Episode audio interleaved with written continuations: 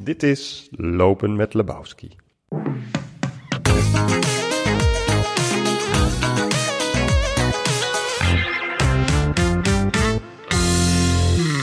Vrienden en vriendinnen van de literatuur. Ivo Victoria en zijn redacteur Jasper Henderson treffen elkaar om in gesprek te gaan over zijn hyperpersoonlijke, ontroerende en toch geestige nieuwe roman Alles is oké. Over een Vlaamse straffe madame gebaseerd op Ivo's moeder. Terwijl ze Ivo's schrijfkamer in een voormalig psychiatrisch bejaardentehuis verlaten en de begraafplaats de Nieuwe Ooster te Amsterdam opwandelen, bespreken Jasper en Ivo de roman die Ivo eigenlijk niet had willen schrijven en daarbij critical alignment yoga, Nigeriaanse begrafenissen, het begrip kairos, hoe Ivo omging met de Alzheimer van zijn moeder, het bombardement van Mortsel en waarom Ivo bij ieder boek meer opziet tegen de publicatie. Amusez-vous! The rain has gone. I can see all obstacles in my way. Gone are the dark clouds that had me blind. It's gonna be a bright, bright, bright, sunshiny day. Doe je ook oefeningen, Hans?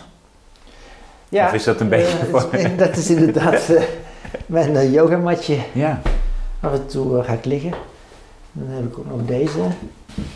Daar, daar ga je dan Wat op, liggen. Ik doe critical alignment yoga. Dat is voor je rug vooral goed. Dat is de therapievorm van yoga. En dan doe je allerlei dingen. Ga je hier zo, zo op liggen. Ja? En eh, dan met de benen omhoog en dit en dat. Dat doe ik één keer per week, maar je kan het dus ook oefenen. Het leven van een schrijver is wel eh, Ja, ik kan niet zonder. is aanpakken. Ja. Heb je dan zo last... Dat hebben veel mensen toch last van hun rug? Ja, maar ja, als je de hele dag alleen maar eh, daar zit te tikken, heb ik nog RSI-klachten, heb ik al heel lang. Dus dat, die, die oefeningen, die zetten alles weer, die rekken alles op. Je, je denkt, je, ja, er zijn nog allerlei andere oefeningen met toestellen en zo. Je, je, kan niet geloven wat je rug allemaal aan kan eigenlijk. Ja. Je denkt, nu ga ik echt mijn rug breken als ik zo ga liggen. Als je dat zelf gaat doen. Maar dat gebeurt niet. En het, eh, Kijk, ja. als we nu een, ehm, een vlog zouden maken, zou ik je vragen: kun je even ja, een oefeningetje doen? nee, ja, dat zou ik ook natuurlijk altijd gedaan hebben, maar... Dus dit is eigenlijk een genoeg multifunctioneel werkhok waar we nu zijn, eh, Ivo.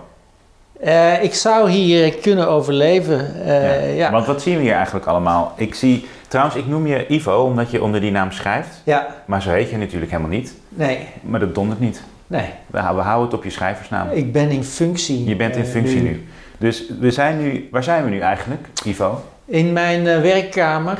eh, dit is eh, een oud bejaardentehuis voor psychiatrische patiënten. Een bejaardentehuis, oké, ja. Ja, en, Ja. ehm, dus deze Dus kamer. Psychiatrische bejaarden. Ja. Goed. En deze kamer, eh, ja, de, de, die hebben ze dus gewoond. Dus er is nog een wastafeltje. Wauw. En ehm, Je ruikt het niet, hè? Of rook je het wel toen je hier bent? Want vaak hebben bejaardentehuizen hebben een specifieke geur van oude mensen. Ah, ja, maar het staat hier ook al heel lang leeg. En hier, of tenminste, hier hebben eerst mensen anti-kraak nog gewoond. Ja, ook dat ruik ik. En dat ruik je. Ja, Maar eh, ik heb het ook geschilderd. ja. Dat eh, is geurneutraliserend.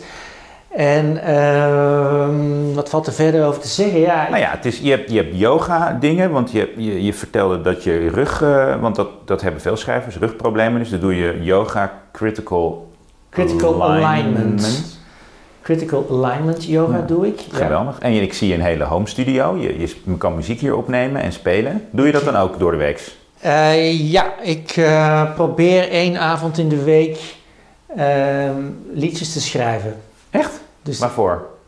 voor mezelf, ik weet nog niet wat ik ermee ga doen. Ja, want je hebt, je hebt een heel, je hele oeuvre aan muziek staat hier ook. Drie cd's met een band. Hoe heette de band ook alweer? Camino. Camino. En waarom zijn jullie daarmee opgehouden eigenlijk?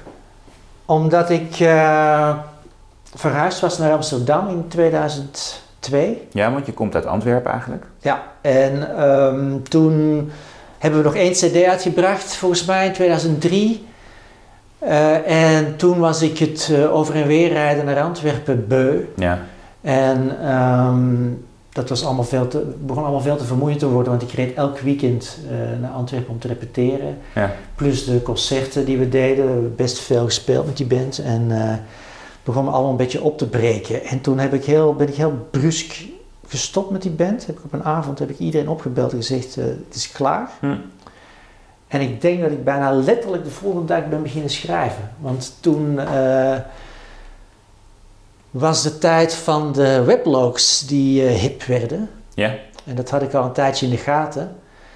En toen heb ik eh, met mijn zeer beperkte bijeengegoogelde kennis van HTML... heb ik een weblogje in elkaar geflanst. En die bestaat nog steeds. En die bestaat nog steeds. En dat was ook meteen ivovictoria.com. Hoe kom je eigenlijk aan die naam? Eh, mijn tweede voornaam is Ivo. Hans, Ivo. Hans Ivo Cecile Maria heet ik. Oeh, Cecile had ook gekund, hè? Ja, ja. Ja. Cecile Victoria. Cecile Victoria had ook gekund. Oh, maar dat is meer een lin- lingeriemerk misschien. En, ehm, en ik ben opgegroeid in de Victoriastraat in Edegem. Nou, eh, ik weet niet waar die vraag vandaan kwam, maar ik heb me eigenlijk nooit afgevraagd waarom jij dat pseudoniem hebt gekozen, Ivo Victoria. In de Victoriastraat te?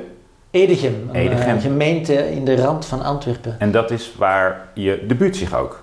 Nee? Daar speelt eh, Hoe ik nimmer de ronde van Frankrijk voor min 12 jaar Ja. won eh, zich af. Precies. Mijn debuutroman, inderdaad. Ja. Geweldig. Edegem. Ivo in de Victoriastraat. Nog één keer je voornamen? Hans Ivo Cecile Maria. Mooi. Echt mooi. Ja. Nou, misschien kun je nog een keer onder een andere naam gaan schrijven, maar daar hebben we het nog wel een andere keer over. Dus dit is, dit is je werkplek. Je zit hier nu een jaar, denk ik, in dit oude bejaardenhuis. Een halfjaartje, ja. Een halfjaartje. Ehm, ja, met zicht op het eh, Robert Koch-plantsoen. Ja. In de Watergaasmeer, eh, de parkeerplaats voor mijn raam is eigenlijk de, de zijn de gereserveerde parkeerplekken voor auto's die hier naar uitvaarten komen. Want de Ja. nieuwe Ooster zit aan de andere kant van Ja, het lopen we zo even naartoe. Zo drie keer per week gemiddeld wordt er iemand begraven. Dus je ziet veel verdriet langskomen. Of wordt er ook veel gelachen? Er Wat is zie wel... je eigenlijk allemaal? Let je dan een beetje op? Wat, wat, Zeker, wat voor ja. types en, en hoe ze hun verdriet uiten of juist niet? Of... Ja. ja, ik vind het heel interessant om, Ja. eh, om, om te bekijken. Want die mensen die weten zich... eh, denken dat ze onbespied zijn. Maar Nee, ik zit dan hier eh, zit- achter mijn gordijntjes stiekem toe te kijken hoe ze ook uit de nog auto schrijver. komen. Ja. En eh, het is heel verschillend, hè. Soms zijn het jonge mensen, dan weet je ook al van, oh shit, Oh. het zal iemand jong zijn Ja. die begraven wordt. Niet goed. Jonge mensen zijn meestal wat lawaaierig en eh, hebben allemaal een grote bek op. Eh, die, die proberen hun verdriet wat te verbergen volgens mij. Er wordt ook vaak grappen gemaakt en zo. Terwijl oudere mensen, die komen hier heel rustig, berustend. Ja, van zo. het natuurlijk ja. al honderd keer gedaan. Dit is de tweede al deze maand, een beetje die, die gedaan. ja. En, eh, en dan hier aan, aan de, vlak om de hoek hier zit een kerk. Dat, daar zijn vooral Surinaamse begrafenissen. Gezellig. En dat is altijd met fanfare, met paard en kar. Die kist wordt altijd met veel eh bombari eh, hier naartoe gebracht. En dan gaan ze met paard en kar vaak heel het plantsoen rond. En soms doen ze nog een extra rondje door de buurt. Eh, terwijl ze met z'n allen zingen en spelen. En dat is eigenlijk wel heel mooi. Mooi. En iedereen in pak en ziet er fantastisch uit. En mag die kar dan hier ook parkeren met dat paard? Eh, die staat aan te wachten de hele dienst lang voor de kerk. En dan staan die mannen, het zijn een aantal oude mannen, het zijn altijd dezelfde, het is altijd dezelfde fanfare. Die staan al een beetje in te blazen terwijl, eh, Ja. terwijl de begraafdienst nog Oh, bezig geweldig. is. Ja. En dat allemaal in dit toch ja, vrij rustige stukje Amsterdam, hè, de Watergaasmeer. Het is heel rustig. Maar la- laten, we, laten we gaan lopen. We verlaten nu even je, je, je prachtige werkkamer. Waar je, waar je, zit je hier vijf dagen per week echt? Ja. ja, ik ben wel echt een eh 9-to-5 eh, schrijver. Ja, waarom niet? Het is een baan, hè? Het is een baan. Hey, ja. En wat voor, wat voor types zitten hier nog meer? Ehm, Wie zit er bijvoorbeeld in 0.32 naast jou? daar, die dame heb ik nog geen kennis mee gemaakt. Die zit er nog Oh. maar net, maar dat is Ah. een Japanse eh, eh, schilderes. Schilder, schilder, kunstschilder. Goed. Mooi. Eh, Mooi maakt mooie dingen, Ik heb nog niet gezien wat ze maakt. Eh, er zit ook ehm, een dame, Noortje, die maakt eh, textielkunst. Dat is echt super mooi Oké. wat zij maakt. Eh, er zitten eh, grafische vormgevers. Eh, Laag plafonnetje trouwens, hè? We zijn niet allebei heel groot, maar het is laag. Ja, dat is een systeemplafonnetje. Dus is dat het, om, denk je eh, omdat bejaarden altijd een beetje krimpen? Dat ze denken van nou, dat het niet nodig het is. hoeft niet heel hoog te zijn. Wat deze mensen doen, Nou, er liggen heel veel appels en peren. Hallo. eh, hey, dat is de oh. moeder van Mees. Maar ik ben even iets aan het opnemen. Hi. We zijn even een podcast aan het opnemen. Maar Oh, dat sorry. knippen we er wel uit. Ja. Hi. Dag. Nou, dat was de moeder. Oh, er wordt ook keramiek workshops Ja. gegeven voor wie het interesseert. En eh, er zit hier ook een, eh, een inloophuis voor mensen Voor mensen. die kanker hebben. Oh, of eh, hun naasten die, die met elkaar eh, bij elkaar steun zoeken. En dit is eigenlijk... Sorry, in dit pand ook. Ja, hierachter, dat loopt dan door. Daarachter is nog een gang. En hierboven wonen ook nog mensen, anti-kraak. En ehm, zullen we, zullen we even, even richting de begraafplaats lopen? Ja. Want nou, dan weten we nu gezien waar je dit allemaal doet. En trouwens, het is ook de plek waar je net zojuist eh, het eerste exemplaar... Dat mag eigenlijk nog helemaal niet, want de presentatie is pas eh, eh, volgende week. Het eerste exemplaar van je nieuwe roman hebt mogen Ja. ontvangen. Alles is oké. Ja, Ivo Victoria, gefeliciteerd. dankjewel. Ik loop er nu mee eh, in mijn handen. Dat mag jij ook doen, maar op een of andere manier wil ik dat heel te- graag altijd. Hij ziet er prachtig uit, al zeggen we het eh, eh, zelf. Het is alweer je vijfde eh, roman. Maakt dat je enigszins, be- betekent dat iets voor je? Dat je al je vijfde roman is? Of pas? Of, of wat zijn je gevoelens daarbij? Ben je Ehm, halverwege? Ben je nog maar net begonnen? Denk je van, nou poeh, alweer vijf. Wat, wat, is, wat is je... Goh, ja, de- deze voelt wel als een soort van slotstuk van eerste cyclus of zo, voor mij. Oké, en hoe zou je die eerste cyclus omschrijven? Als je die mocht benoemen? Nou, ik heb dus vijf romans geschreven op tien jaar tijd. Ik ben tien jaar Keurig. publicerend auteur 9 deze to 5, maand. hè? Elke twee jaar. 9 to 5, Oh, gewoon keihard ja. doorknallen. En, eh, en ik ben begonnen met een autobiografische roman over mijn jeugd in Edegem, waar mijn vader een belangrijke rol in speelt. En dit is een autobiografische roman eh, ja, die in het teken van mijn moeder staat. En waar eigenlijk ook weer geput wordt uit herinneringen van Ja. vroeger. En daartussenin, eh, in het midden van het oeuvre, zal ik maar zeggen, het derde boek is Dieven van Vuur ook een autobiografisch roman over mijn tijd in Antwerpen. En die wordt dan weer door roman 2 en 4 geflankeerd. Wat, twee, eh, wat ik meer zie als twee maatschappelijk geëngageerde romans, of die meer gaan over de wereld. Ja. En waar, eh, waar eigenlijk mijn eigen leven nauwelijks een rol in speelt. Of tenminste, mijn eigen leven speelt altijd een rol. Maar eh, dat zijn twee heel andere boeken.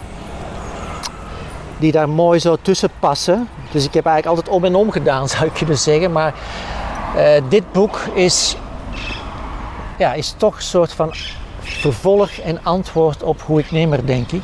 Maar is het dan toeval dat dat dan tien jaar na je debuut is, dat vooral over je vader ging? Het was een soort monument ook voor je vader. En, eh, en dan nu heb je een eerbetoon, daar gaan we straks natuurlijk uitgebreider over praten, aan je, aan je moeder eh, geschreven. Maar is dat toeval dat het dat zo mooi tien jaar rond is? Of is dat, heb je daar ook echt over nagedacht? Van nou, jongens, ik schrijf elke twee jaar een roman. Na de vierde zat je dus op acht jaar.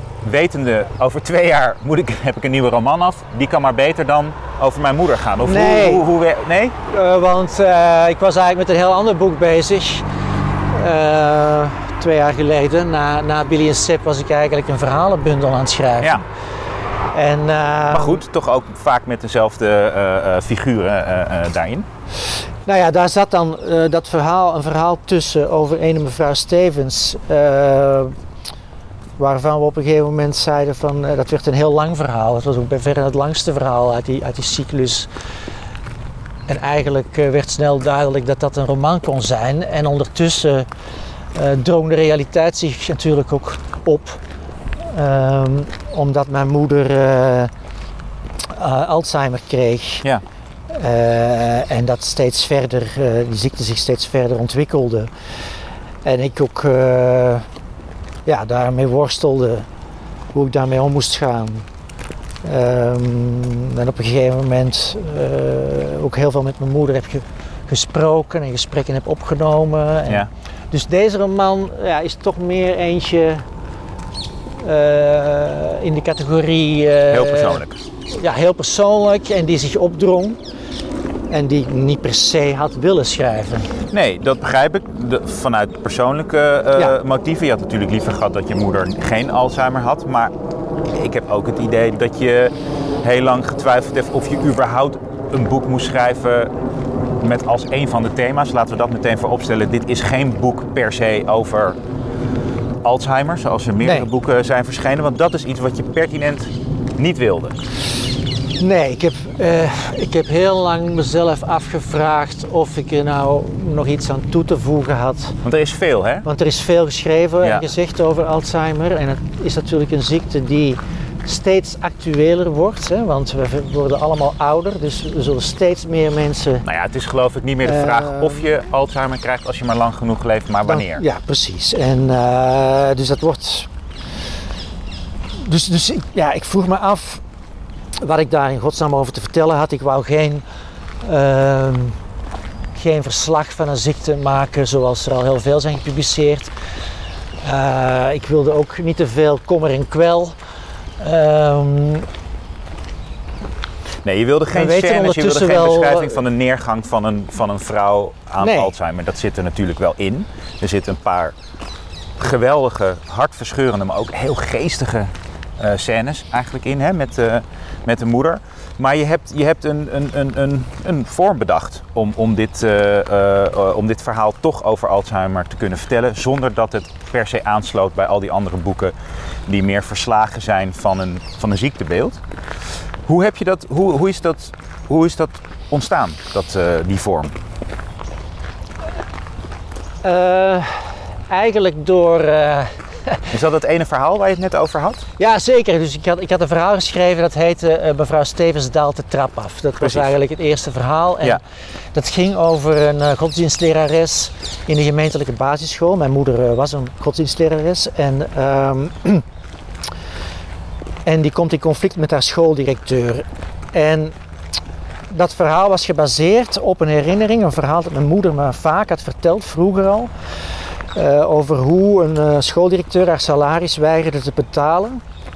En toen ze uiteindelijk toch haar gelijk kreeg en haar salaris betaald kreeg, Ja. vernederde die directeur haar eh, publiekelijk op het schoolbal, het jaarlijkse schoolbal. Ja, We zullen niet spoileren met betrekking tot hoe niet. hij die vernedering tot stand bracht. Maar ik heb dat altijd onthouden. Mijn moeder die vertelde dat altijd met veel vuur. En, ehm, ze vertelde het eigenlijk altijd alsof zij het conflict gewonnen had. ja. Dus ondanks het feit dat hij in laatste instantie haar vernederd had, ten overstaan van het hele personeel en ouders die erbij waren, eh, kon zij dat verhaal vertellen alsof het een overwinning was voor haar. Ja. En dat is eigenlijk heel kenmerkend voor mijn moeder, Waarom? eh, omdat zij ehm, altijd zo, zo vertelde. Zij had, zij had altijd nood om aan het eind van de schooldag Ja. in tegenstelling tot mijn vader, die was altijd stil na zijn werk. Die Wat zweeg. deed hij dan? Oh, die ging gewoon zitten en... Die ging gewoon zitten. Ja, die, had, die had zijn werk al verteerd op de bus naar huis. Maar mijn moeder die moest Ja. altijd nog even verslag doen van de dag. Tijdens het avondeten. En Mooi. dan eh, was er altijd wel een stoute leerling of een vervelende collega. Of iets gebeurd wat zij als onrechtvaardig ervaarde. Ja. En daar zou ze dan eens een keer een flink woordje van gaan zeggen Ja. de volgende dag. Of dat had ze gedaan. Ja. En ze zou het zus en zo aanpakken en dan zou ze eens een keer zien hoe dat, dat geregeld werd. Ja. En wij, ja, ik vond het altijd heel interessant en, en spannend om daarnaar te luisteren. Eh, maar uiteindelijk, eh, ja, wat was zij? Zij was een deeltijdslerares op een gemeentelijke basisschool, een godsdienstlerares. Eh, Maar zei ze er ook dan de volgende dag een hartig woordje van? Of was het meer, Ja. dat ventileerde ze tegenover jullie, tegenover je broers en zussen en tegenover eh, haar man? Ja. Maar, maar deed ze dan buiten het gezin, deed ze dan ook wat mee? Of was het gewoon een soort, Dus- een soort bezwering, een soort ritueel dat ze gewoon even moest doorstaan om ver- weer verder te kunnen? ja, ik vermoed dat. eh, dat zullen we nooit weten Nee, natuurlijk. nee, nee. nee. Maar ehm, ik denk dat, ik denk dat eh, als ik er nu op op terugkijk, als ik er nu aan terugdenk aan, aan al die verhalen en alles wat ze toen vertelden, ehm, ja, dan betwijfel ik ten zeerste of ze ook echt eh, dat flink woordje ging zeggen de volgende dag.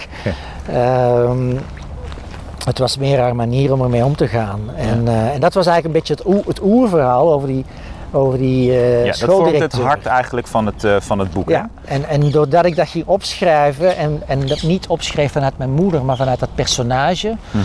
eh, mevrouw Stevens, werd het ook veel groter. Begon ik er allerlei dingen bij te verzinnen. Die schooldirecteur, dat werd directeur Pauwels, die vreemd genoeg kantoor houdt in de kelder Ja. eh, van de school. Graag op blote Eh, voeten loopt. Op blote voeten in zijn kantoor loopt. Eh, een vreemde, vreemde, kwaadaardige figuur werd dat.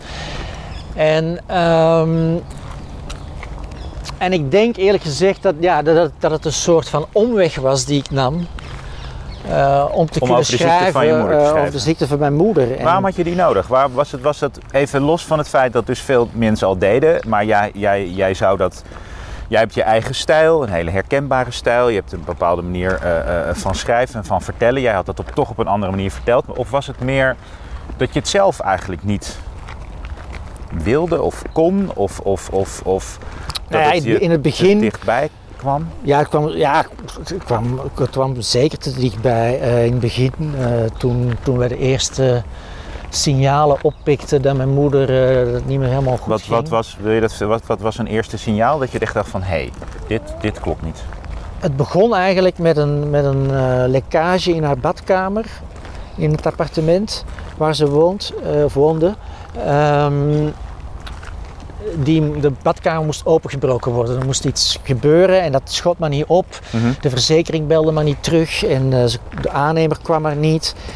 En wij hadden het er iedere keer over met, eh, met ons moeder, mijn broer, mijn zussen en ik. En iedere keer had ze weer een ander verhaal. Ze zou nog wel bellen, of, eh, of nee, ze ging niet bellen, want ze had nu al lang genoeg ge- ge- gewacht. En eh, eh, het ging allemaal wel in orde komen. En, maar dat, dat werd steeds groter. Die, dat badkamer gebeuren werd steeds groter. Ze had er stress van, ze sliep er niet meer van, zo gezegd. En ineens begonnen wij ook te twijfelen aan wat ze ons vertelde. Weet je, de ene keer Ja. was er weer iemand langsgekomen, die heette Fabio. En dat was een hele knappe gast en heel beleefd. En de volgende keer Oh ja. was Fabio eh, een klein vervelend mannetje. En dan had ze zelf gebeld naar de, naar de verzekering, maar die namen nooit op. En dan eh, was er weer iets anders. En er werd een soort van soap. Ja? En we kwamen maar niet achter hoe het nou werkelijk zat. En uiteindelijk greep mijn broer in en die ging dat allemaal regelen. En een, paar weken na de verbouwing, nadat het allemaal had plaatsgevonden en allemaal goed verlopen was, was er compleet vergeten dat er ooit iets met die badkamer aan de hand was geweest. Ja, ja, ja. Dus daar had ze maanden stress van gehad. En allerlei verhalen en flinke woordjes die ze ervan ging zeggen. En daarna was het weg meteen. En toen kwamen snel daarna een aantal andere dingen. Sloot zichzelf een keertje buiten. Eh, we merkten, ze wilde niet meer internetbankieren. Terwijl ze eigenlijk prima met de computer overweg kon altijd. Maar dat lukte niet meer. Ineens wou ze dat niet meer. Want die computer deed raar. Dat Ja. was ook iets dat, dat begon te komen. Weet je. Alles in het appartement ging kapot of deed raar. Terwijl het eigenlijk, als ik er was, altijd Ja. prima functioneerde. Ja. Eh, allemaal dat soort dingetjes begon zich op te stapelen. En ik denk dat ze dat ook wel, eh, zeker toen, eh, zelf ook door had. Ja, en dat lijkt me ook zo En dat, eh, ingewikkeld. Dat, je, dat je in dat eerste sta- dat je dat eigenlijk zelf al weet. Van hé, hey, dit, dit, Ja. dit, dit gaat iets in mijn hoofd niet helemaal juist. Ja, dat ze zeker door. En als eh, zoon of dochter eh, ga je in het begin ook heel vaak corrigeren. Eh, of zeggen, eh, of geïrriteerd raken. Ja. Oh, hé, wat doe je nu, moeder? Ja.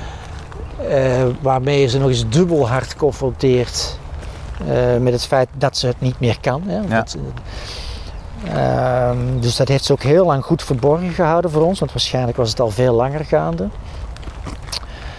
Eh, maar alleszins, ik had daar eh, veel last van. Eh, Ja. Net zoals de verteller in, in, in het boek eigenlijk. Dit, Ja. dit, dit is een man die, die, die, die inderdaad wordt geconfronteerd met een steeds slechter wordende moeder. Maar hij kan er niet goed mee omgaan. Hij, eh, hij, hij, hij neemt eigenlijk steeds meer afstand. Die irritatie waar je het zelf net over had. eh, ehm, hij, hij, hij, hij weet niet goed hoe hij met de hele situatie moet omgaan. En dan bedenkt hij dat hij eigenlijk iets wil schrijven of iets ver- vertellen over zijn moeder dat haar recht zal doen. Voordat alles weg is in haar geest, zal hij één groot verhaal over haar vertellen waarvan hij het idee heeft, zo was mijn moeder.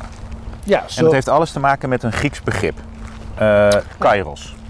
ja. Dat, dat, dat, dat, dat kennen denk ik heel veel mensen niet. Dus misschien kun je het uitleggen wat, wat dat begrip behelst. Ehm, ja, Kairos is een.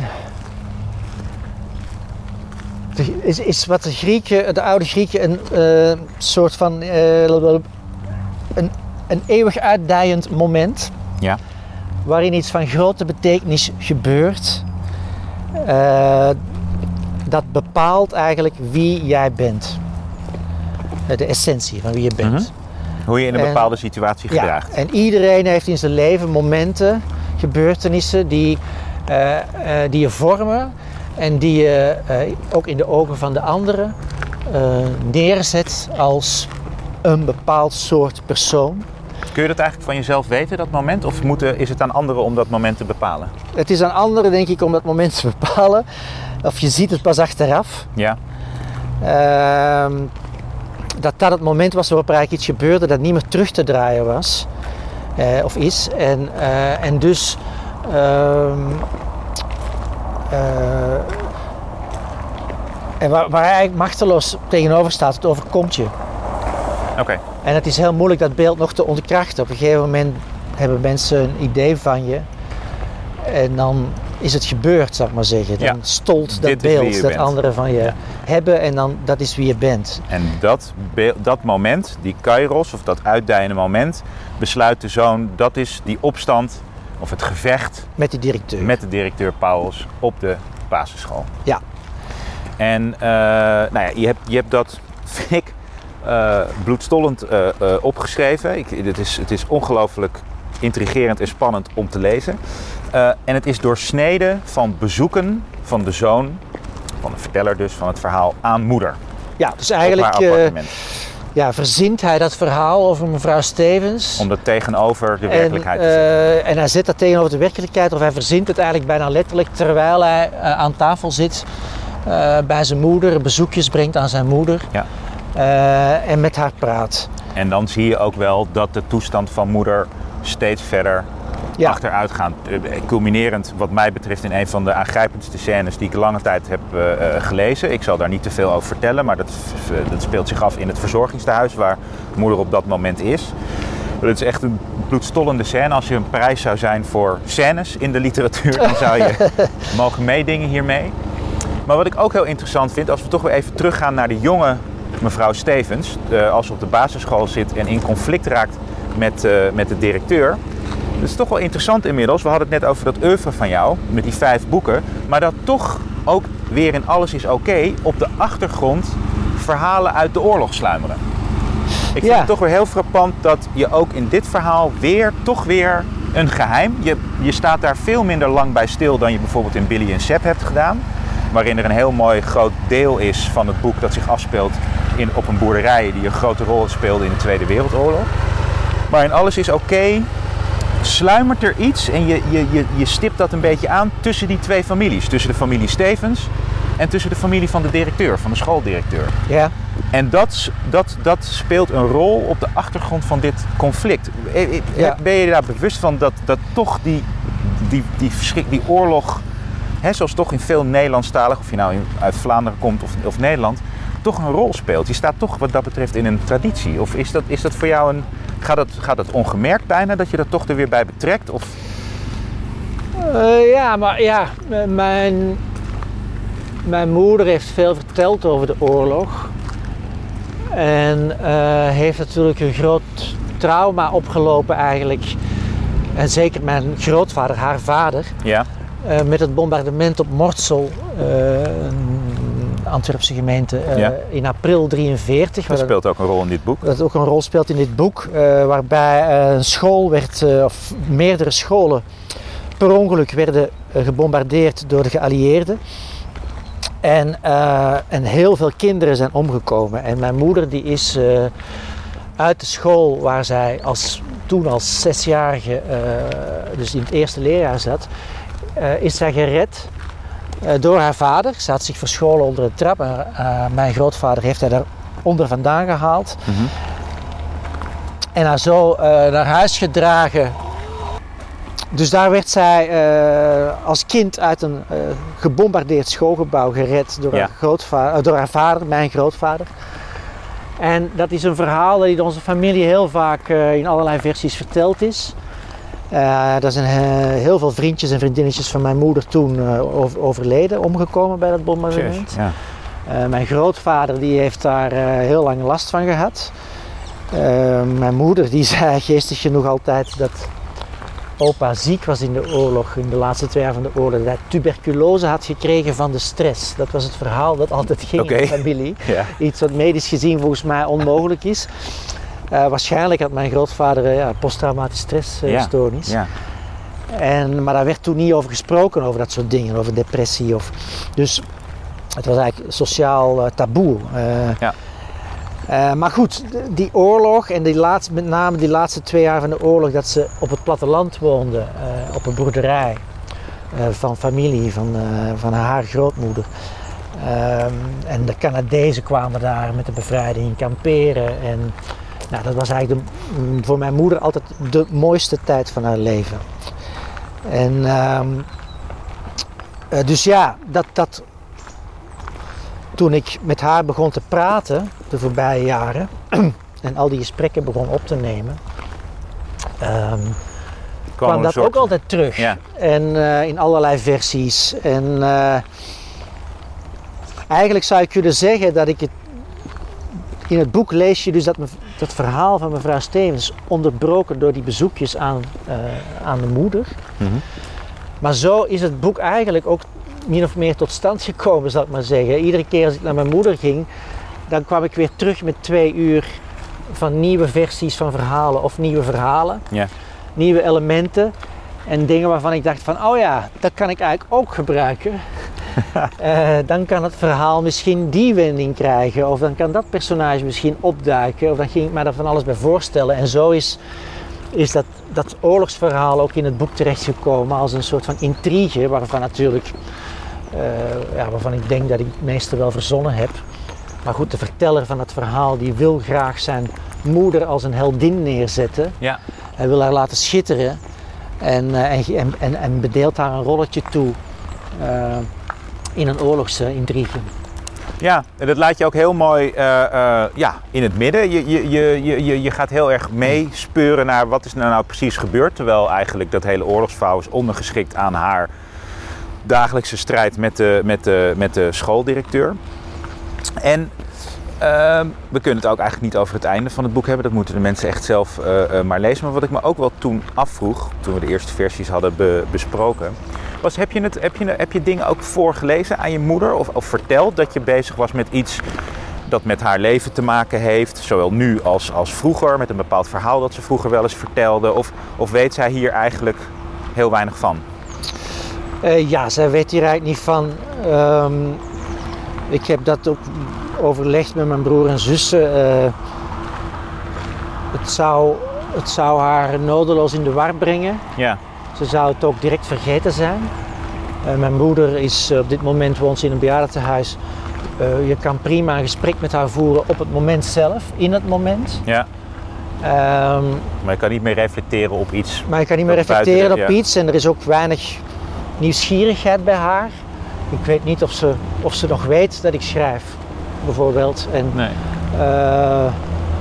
En, en, en ze vertelt ook geen verhalen meer eigenlijk. Dus ik ben, ben ook net op tijd geweest. Ja, Het is allemaal in het moment nu. En, eh, en dat kan heel gezellig zijn. Eh, maar, ehm, maar het zou weinig zin hebben om, eh, om te proberen uit te leggen wat ik eigenlijk gedaan heb. Toch, ehm, toch vond ik het belangrijk en ook, ja, dat klinkt een beetje afstandelijk, eh, maar ook interessant ja. om het boek te, juist nu te schrijven. Eh, terwijl het gebeurde. Ja, Eh, en niet, niet, het- als een, niet als een herinnering achteraf. Dat, Nee, je, dat je er echt van, in wilde zitten. Ja. Dus dat, dat, dat zette het schrijfproces ook wel onder spanning. ja, op wat en- voor manier? Wat, wat, wat- nou ja, omdat, omdat, het, omdat het toch wel heftig is om het op te schrijven terwijl het gebeurt. Ja. Eh, toch een soort van schaamte eh, was waar ik mee worstelde af en toe. Eh, van, ja, kan ik dit wel maken? Zeker wanneer je... Heb je dat ooit niet eerder gehad? Hebben, hebben niet alle schrijvers eigenlijk worstelen die voortdurend uit de aard der zaak met deze gedachte van kan ik dit wel maken? Mm, Zeker omdat veel schrijvers toch, hoe goed ze het ook vermommen, voor een deel putten uit eh, wat er om hen heen gebeurt. Met familie, vrienden, kennissen, ja, ik moet zeggen, nee. Bijvoorbeeld Niet zo erg als nu. Billy en Sepp had ik daar bijvoorbeeld helemaal niet zo'n... We speelden het helemaal niet bijvoorbeeld. En ehm, Nee, oké. ja, maar er dat was nu wel een soort van verantwoordelijkheid, ook naar Ja. mijn broer en zussen toe. Dat speelde toch meer mee dan bijvoorbeeld toen ik mijn eerste roman schreef, Hoe ik nimmer, wat, wat eigenlijk de geschiedenis van ons gezin was. Ja, Toen, was ik, toen dacht ik helemaal niet na over het feit dat mensen dat gingen lezen. en eh, gewoon dat heb ik achteraf ook mogen horen van mijn broer en Oh ja? zussen. Waren ze daar niet zo blij mee? Nou, jawel, jawel. Ze waren uiteindelijk wel blij met het boek. Maar een van mijn zussen zei, toen ze het pas gelezen had, ze zei van... Ja, je hebt een stuk van mijn herinneringen afgepakt. Oh ja? En, en dat vond ze moeilijk. Ja. Eh, later heeft ze het herlezen en eh, is ze helemaal, eh, was ze helemaal verzoend met dat boek. Maar ehm, eh, dat, dat, dat had ik me helemaal niet gerealiseerd. Ik heb dat eerste boek geschreven, dus een soort van onbevangenheid die veel debutanten denk ik kenmerkt. Ik herinner mij dat Gerbrand Bakker toen, toen we dat daar een keer over hadden, tegen mij zei van ach joh, dat, dat heb je maar één keer, dat komt nooit meer terug, die Nee. onbevangenheid. En dat kan je inmiddels beamen. En dat is ook zo. Maar hebben je broer en zus het eh, ook, inmiddels sorry, gelezen? ik wil Ja? even, ook wat ik net zei, verantwoordelijkheid. Niet alleen, hè, ik, vind, ik vind dat een schrijver verant- een verantwoordelijkheid heeft om ehm, de waarheid te vertellen. Hè? Dus niet de feiten, niet de, de, de werkelijkheid, maar Mhm. de waarheid. Dus het moest ook kloppen wat ik schreef. Ik moest ook e- eerlijk zijn. Sorry, ik begrijp het verschil. Wat is nou het verschil tussen de waarheid en de feiten? Nou, de feiten is zoals het gebeurd is, maar de waarheid is wat je ermee wil zeggen, eh, wat het betekent. Ja. En eh, dus ik moest ook naar mezelf kijken en naar eh, hoe ik ermee omging. En ehm, nou, het verdiende misschien ook niet per se een schoonheidsprijs, zou ik maar zeggen, hoe, ik- hoe ik aanvankelijk mee omging. Dus ehm, dat kostte allemaal veel moeite. Ik heb dit boek eigenlijk volgens mij ook, nou ja, je was er zelf bij, je hebt alle versies gelezen. Zeker. Ik heb de meest gekke omwegen Zeker. gemaakt. Ik heb Zullen we verder niet over uitweiden? nou ja, goed, ja, een half boek van Perk nageschreven in een poging. Eh, Ja, inderdaad. Oh, dat was ik even vergeten. Ja. ja, dus dat soort omwegen. En ik heb ook bijvoorbeeld een hele ik-lijn, dus Ja. de verteller. Ja. eh, alle autobiografische elementen die erin zitten, aanvankelijk in derde persoon geschreven. Ja. Omdat het dan makkelijker was eigenlijk Ja. om, om erover te schrijven. Eh, dus in die zin was het wel eh, lastig eh, en heel lang zoeken. En toen ik het, pas toen ik het gevonden had en 37 omwegen had gemaakt, ja, toen pas ging het snel eigenlijk. Ja, nee, dat is fijn toch? Dat is ook van het hele schrijven. Dat het ook een kwestie van geduld is en erop vertrouwen dat je op een gegeven moment de juiste weg, tenminste, ja, vindt. Ja. En dat is in dit geval eh, zeker gebeurd. En wat ik toch nog even wilde vragen, want he- hebben je broers is het inmiddels nu, die weten het wel, maar hebben die dit al gelezen? Of dat komt nog? Nee, ik heb ze pas gisteren eigenlijk eh, de drukproef gestuurd. Oké. in één keer een vriend van mij die zei ineens tegen mij van ja, maar eh, dan moet je wel even opsturen. Ja, voor de presentatie. Want dadelijk krijgen, krijgen ze commentaar van mensen die het al gelezen hebben terwijl ze het zelf nog niet hebben gelezen. Ja, ja. Toen dacht ik van oh ja, ik ben weer, ik heb hier weer slecht, slecht over nagedacht. Ik Nou, mag het niet dezelfde fout maken als Goed Nimmer. Ja, Maar ik heb heel lang eh, alle naasten, ook mijn vrouw, eh, die leest het ook pas nu, eh er buiten gehouden. Ja, Omdat ik niet wilde dat, ze, dat iemand het proces ging verstoren. nee. Eh, iemand die mij te goed kende of iemand die erbij was, als het ware. Ehm, die moesten eigenlijk eh, uit de buurt blijven van, van het schrijfproces. En als we nou helemaal, nu je dit gezegd hebt, eh, hè, je, je bent, je bent eh, om het heel clichématig, je bent heel ver gegaan met dit boek, heel diep. Het heeft je veel moeite gekost, niet zozeer het schrijven als wel het onder ogen zien van, van je eigen gedachten en daden of, en, en hoe het met je moeder is, eh, hoe, dat soort zaken. Maar aan het begin van het gesprek zei je, ik heb ook het gevoel dat ik een eerste cyclus heb afgerond met dit vijfde boek. Zijn er dingen die je, nu je dit boek hebt geschreven, anders zal doen in een volgende cyclus? Of eigenlijk met andere heb je een idee over waar die volgende cyclus, welke richting dat uit zal gaan? Of, of, of, of je op een andere manier gaat schrijven nu je, nu je alles eens oké hebt kunnen voltooien? Eh, is er een andere thematiek eh, die jou eh, meer voor ogen staat? Genre, whatever. Ja, dat is lastig te zeggen. Ehm, ik denk wel dat ik andere dingen wil doen in, in eerste instantie. Dus niet per se weer een roman. Mhm. Ehm, ik eh, wil wat meer beschouwende stukken misschien gaan schrijven. Ik ben al een tijdje eh, stiekem eh, wat gedichten aan het schrijven die nog lang niet Oh, het daglicht mogen zien. Ehm, ik heb wel zin, ik zou graag, heel graag iets voor toneel maken. oké. Dit is een open sollicitatie aan acteurs en regisseurs die Nou ja, ik kan ook wel zeggen dat ik vind alles is Ehm, oké een uitmuntend toneelstuk. Het zou, eh, ja, het zou een toneelstuk kunnen zijn, ja. Ehm, dus ja, ik heb zin om, om wat dingen uit te proberen en er liggen nog heel veel dingen te wachten.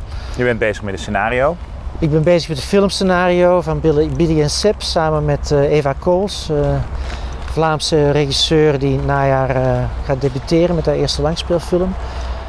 Ehm, dus ja, er ligt heel veel open en daar heb ik wel zin in. Om, niet, om even niet meer vast te hangen aan een boek, omdat het toch een enorme beslag op je legt. Niet alleen in tijd, maar ook in je hoofd vooral. Ja. En ik heb denk ik even behoefte aan wat lucht. Eh, en, en aan... Is het ook zwaarder geworden in die, in die tien jaar? Even los van het feit, zoals Gerbrand zei, je, dit, dit beleef je maar één keer hè, met zo'n debuut. De manier, die onbevangenheid waarmee je schrijft. Maar goed, we zijn nu inmiddels vier boeken na je debuut verder. Eh, is, het, is het elke keer zwaarder geworden? Niet in de zin van, oh het is zo moeilijk om een roman te schrijven. Want dat is het altijd al, of je nou een debuut maakt of niet. Maar gewoon het hele proces. Staat het je zelfs een beetje tegen of niet? Nou, ik, ja, nou, dat is lastig. Na elk boek, als het dan toch weer gelukt is, dan denk ik van, haha, nu weet ik het. Zo ga ik het de volgende keer vanaf de eerste keer doen. Ja, quod non. Ja, maar elk boek is anders. Dus iedere keer loopt het weer anders. En iedere keer weer... Gelukkig maar, toch? Hè? Gelukkig Ja, maar. dus het maakt het ook wel boeiend. En, eh, Anders vind ik er zelf ook echt maar het, moeilijk, het moeilijke eraan is dat, dat ik mezelf weer iedere keer moet overtuigen. En moet, zeg, moet zeggen tegen mezelf van accepteer het proces. Ja. Accepteer nou dat dit is hoe het gaat. Je kan het niet eh, onder controle krijgen zoals je hoopt eh, het onder controle te krijgen. Tenminste, ik ken wel collega's die heel systematisch schrijven, maar dat, dat is mijn ding niet. Eh, dus ik kan wel van alles willen, maar ik moet gewoon accepteren dat het gaat zoals het gaat. En dat is het moeilijkste eigenlijk. Dat wordt wel moeilijker met ieder boek. Heb ik het moeilijker om te accepteren dat het weer een enorme chaos is aanvankelijk. Of Hoe, vaak je ook op je yogamatjes ligt. en je denkt van ja, ik, je- moet hier toch ooit eens een keer beter in worden, zou je denken. en uiteindelijk word je ook wel beter, of tenminste, ik denk wel dat het eindresultaat eh, altijd wel weer op een bepaalde manier voelt alsof het een beter boek is dan het vorige. Ja. Maar ehm, het proces vind ik, ja, dat vind ik het lastigst om te accepteren. Eh, en wat, al, wat met elk boek erger wordt, is het publiceren eigenlijk. Onlangs vroeg nog iemand van, heb je zin in? Heb je er zin in? Volgende week boekpresentatie. Ja? Ik dacht van, nee. Ik heb helemaal geen zin in. Oh, oh, nou dan blazen we alles gewoon even af hoor. Ik, eh, ik word alleen maar enorm lamlendig in zo'n laatste week of twee weken voordat het boek uitkomt. En dat heb ik altijd wel een beetje gehad, maar dat wordt met elk boek erger. Ja, ik kan me dat voorstellen. Het is, is omdat het, het, het, grote werk en ook, ook die, de, waar de grote liefde eh, eh, in zit, is, is het werk zelf. En dat is gedaan. Ja. En nu zijn het allemaal nu- afgeleiden daarvan. Precies, ja. En, eh, en er is veel onzekerheid. En ook zeker met dit boek dat je denkt van... Goh, het zal toch niet zijn dat dit boek enorm wordt eh, afgekraakt straks. eh, Ja. Maar dat zou je erger vinden dan, ja, dat zou je Ja. dus erger vinden dan bij een ander boek. Ook al is het ja, eigenlijk het is stel een dat roman, dit boek het nou de grote neergang van Evil Victoria blijkt te zijn Ja? geworden. Ja, wat dan? Het zou natuurlijk dubbel erg zijn. Omdat, Ja. Juist omdat het gaat over mijn moeder. Ik Ja. gun mijn moeder zo dat dit eh, boek eh, waanzinnig succes wordt natuurlijk. Ja. Of op zijn minst eigenlijk, want dat, daar heb je helemaal geen controle over. Eh, maar op zijn minst Dat mensen het mooi vinden. mooi zijn als mensen van mevrouw Stevens gaan houden. Ja. Ja, ik denk wel Dat dat lukt. Ik denk dat de mensen die het gaan lezen, en dat zullen er inderdaad hopelijk heel veel zijn, dat die echt wel heel erg van meneer, mevrouw Stevens gaan houden. Want als ik dat mag vragen, dan tot slot, hoe, hoe is het nu met je moeder bijvoorbeeld? Ja, ehm, stabiel eigenlijk. Ehm, het rare van zo'n bejaardentehuis is dat een heleboel dingen eh, die ze niet meer kon en waarmee ze geconfronteerd werd eigenlijk toen ze nog alleen woonde, Ja, dat die uit handen worden genomen. Hè? Zoals koken Ja. en eh, eh, bed op, op tijd opstaan, een soort van regelmaat die terugkeert, sociaal contact. Eh, er moet niks meer geregeld worden, geen rekeningen meer betaald worden, eh, geen verzekeringsmaatschappij meer gebeld worden Ja, over ja. verbouw. Al die dingen die haar confronteerden met die ziekte, die zijn weg. Ehm, eh, waardoor ze veel stabieler oogt. Soms praat ik een half uur lang met haar en ik denk van, oh... Gaat eigenlijk wel. Gaat eigenlijk wel. ja. En dan zegt ze ineens iets wat helemaal niet kan. En dan weet je weer van, oh ja. Oh ja. Ehm, en ze, ja, ze, ze, ze, ze heeft een aantal vriendinnen in het bejaardentehuis gemaakt. Waarvan er eentje standaard eh, met een fles witte wijn en een koeler aan de rollator eh, rondwandelt. Oh prima. Dus de sfeer, zit er daar, eh, Ja. ja. de sfeer zit er daar regelmatig goed in. Oh, wat goed. Ehm, dus dat is op zich goed. Ja. Ja. Nou, ik denk dat ze enorm trots is op het boek, Ivo. Ik, denk dat ze, ik hoop dat ze het op een of andere manier dan inderdaad, hè, dat er mensen erover vertellen. Toch? Eh, eh, eh, misschien, ook al vindt ze het moeilijk om daarop te reflecteren, maar wie weet. dat in, in het huis mensen het gaan lezen, de mensen die haar verzorgen. Ja, wie weet. Toch Ja. een schitterend verhaal over, over, over mevrouw Stevens.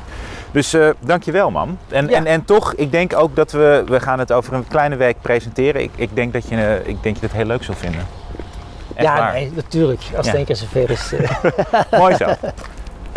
Dankjewel man. Oké, man. Nou, schitterende begraafplaatsen. Een heerlijk rondje was dit. Nou, heel mooi. Ik ga het echt vaker doen. Ja, ik wandel hier wel eens. Ja? We zijn niet echt langsgekomen. Kinderen heb je allemaal van die zigeunergraven. Ja, die zijn geweldig. Met Mercedes erop en zo. Ja.